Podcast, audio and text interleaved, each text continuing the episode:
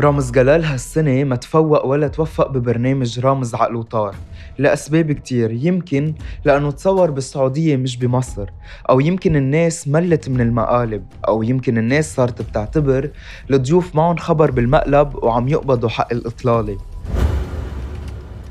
أو يمكن الضيوف منهم مثيرين للجدل حتى يعملوا بلبلة على مواقع التواصل الاجتماعي.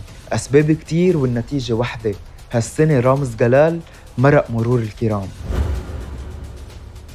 أما وجهة نظري بموضوع المقالب برامز جلال تحديدا رامز لازم ياخد break يبتعد عن الشاشة سنة أو سنتين لحتى العالم تشتاق له وهو يرجع أقوى.